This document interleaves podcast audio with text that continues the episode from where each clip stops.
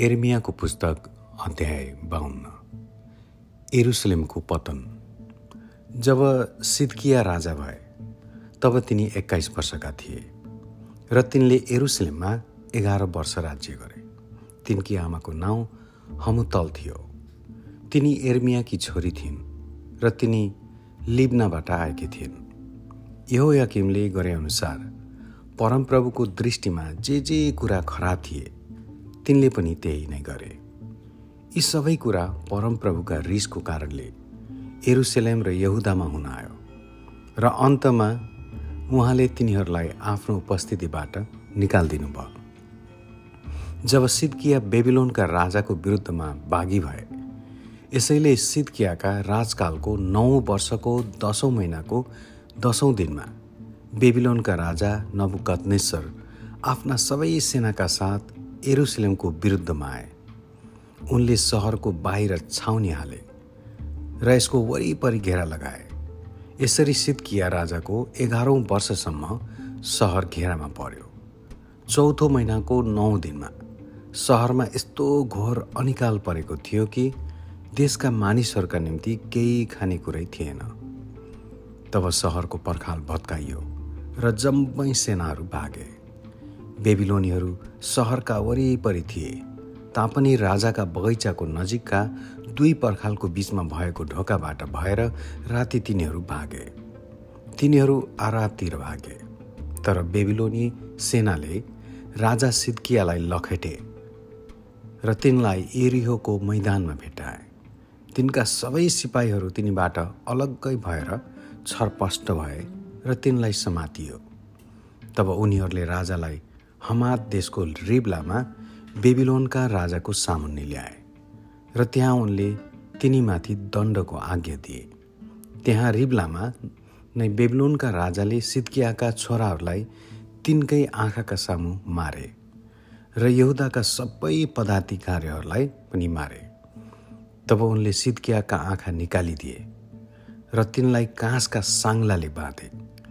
अनि उनले तिनलाई बेबिलोनमा लगेर तिनको मृत्यु नहुन्जेल कैदमा राखे। बेबिलोनका राजा नबुकद्नेश्वरको उन्नाइसौँ वर्षको पाँचौँ महिनाको दसौँ दिनमा राजकीय अङ्गरक्षकका सेनापति नबुजरदार जसले बेबिलोनका राजाको चाकरी गर्थे एरुसेलममा आए। उनले परमप्रभुको मन्दिर राजकीय महल र एरुसेलमका जम्मै घरहरूमा आगो लगाइदिए। उनले सबै मुख्य मुख्य घरहरूमा आगो लगाइदिए। राजकीय अङ्गरक्षकका सेनापतिका मुनिका सारा बेबिलोनी सेनाले एरुसेलेमका चारैतिर भएका पर्खाल भत्काइदिए। मानिसहरूमा सबैभन्दा गरिबहरू र सहरमा छोडिएका मानिसहरू र बेबिलोनका राजा कहाँ भागेर गएका मानिसहरू तथा बाँकी रहेका कारिगरहरूलाई अङ्गरक्षकका सेनापति नबुर्जानलाई निर्वासनमा लगे। तब तर नेबुर्जानले देशका दाखबारी र देश खेतमा काम गर्न बाँकी सबै साह्रै गरिब मानिसहरूलाई छोडिराखे। बेबिलोनीहरूले परमप्रभुको मन्दिरमा भएका काँसाका स्तम्भहरू गुड्ने आधारहरू र काँसाको विशाल खड्कुरो टुक्रै टुक्रा पारे। सबै काँसा बेबिलोनमा लगे। उनीहरूले भाँडाहरू बेल्चाहरू सलेदाका चिम्टाहरू छर्कने बाटाहरू सिट्टी काट्ने कैँची पानीको बाटा कचौराहरू र मन्दिरको सेवामा चलाइने सबै काँसाका सरसामानहरू लगे। राजकीय अङ्गरक्षकका सेनापतिले कञ्चन सुन वा चाँदीले बनेका स्नान बाटाहरू धुपौराहरू छर्कने बाटाहरू भाँडाहरू सामदानहरू अर्धबलीमा चढाइने कचौरा र बाटाहरू पनि लगे। ती दुई स्तम्भ एउटा काँसाको विशाल खड्कुलोले त्यसमुनि भएका बाह्रवटा काँसाका साँडेहरू र गुड्ने आधारहरू जो सोलमन राजाले परमप्रभुका मन्दिरको निम्ति बनाएका थिए। ती सबै काँसाहरूका थोकहरू जोख्नै नसकिने थिए।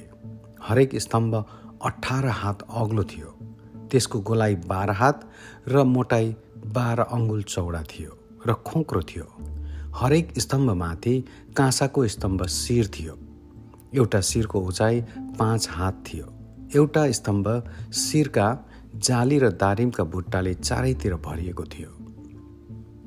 अर्को स्तम्भ पनि त्यसका दारिमहरूसहित त्यस्तै किसिमको थियो। छेउछेउमा छ्यानब्बे दारिमहरू थिए। चारैतिर जालीलाई घेरिरहेका दारिमहरू जम्मा एक सय थिए। अङ्गरक्षकका सेनापतिले मुख्य पुजारी सराया दोस्रो दर्जामा भएका पुजारी सपन्या र तिनजना ढोकेहरूलाई कैद गरेर लगे। सहरमा अझै रहेकाहरू सिपाहीहरूमाथि खटिएका एकजना अधिकृत र राजाका सातजना सल्लाहकारहरूलाई उनले लगे।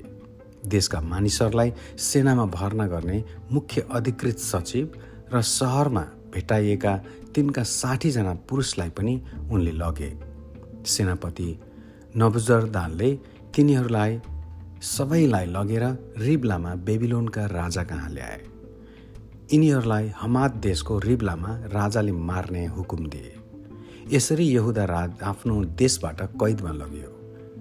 नबुकर्नेश्वरले निर्वासनमा लगेका मानिसहरूको सङ्ख्या यो हो।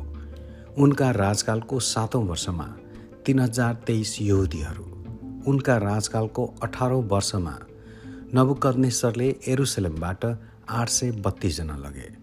उनको तेइसौँ वर्षमा राजकीय अङ्गरक्षकका सेनापति नबुर्जनदारले सात सय पैँतालिसजना यहुदीहरूलाई निर्वाचनमा लगे।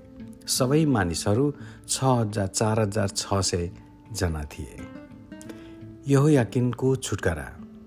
यहुदाका राजा यहोयाकिन निर्वासनमा लगिएको सैतिसौँ वर्षमा एबिल मरुदक बेबिलोनका राजा भए।